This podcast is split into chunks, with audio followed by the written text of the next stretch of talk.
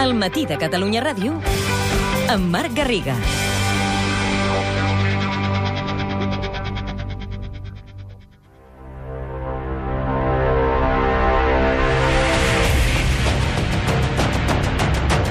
Trenta-cinc cops de fals. La diplomàcia.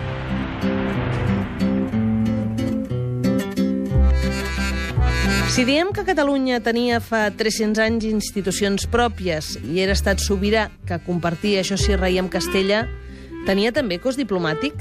Jaume Sobrequés, historiador.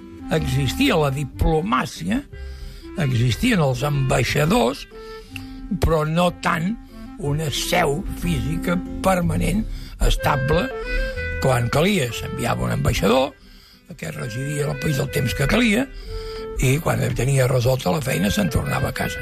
I el mateix feia Catalunya, naturalment, que enviava des de la baixa edat mitjana ja, eh? enviava ambaixadors per gestionar qüestions de tipus polític, aliances militars o qüestions de tipus econòmic, etc. Els diplomàtics van estar presents a Barcelona, sobretot durant els anys en què l'arxiduc Carles hi va estar instal·lat. Hi van anar molts diplomàtics hispànics, per cert, quan no era gens clar el suport que tenia Felip d'Anjou.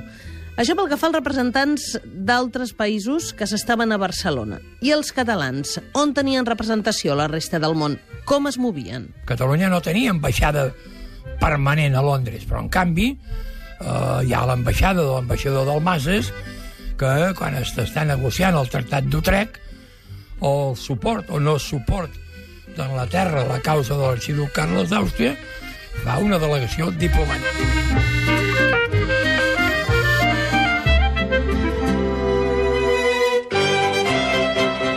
Com ja apunta Jaume Sobrequés, en tot el reguitzell de personatges que van treballar pels interessos de Catalunya destaca el nom de Pau Ignasi de Dalmases. Està a Londres durant molts mesos negociant doncs, que en el Tractat d'Utrecht no es mantingui a Catalunya, que l'aliança i el suport militar d'Anglaterra de la Gran Bretanya es mantingui, va marxar el 23 de març de 1713 de Barcelona cap a Londres, però malgrat els seus esforços, les negociacions de pau ja feia temps que havien començat i l'11 d'abril assignava el primer de tot un seguit d'acords bi i multilaterals coneguts com el Tractat d'Utrecht.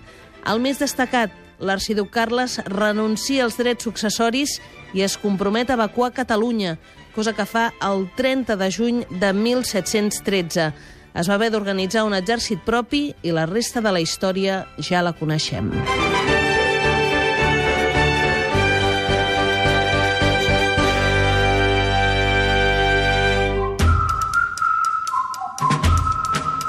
Trenta-cinc cops de fals.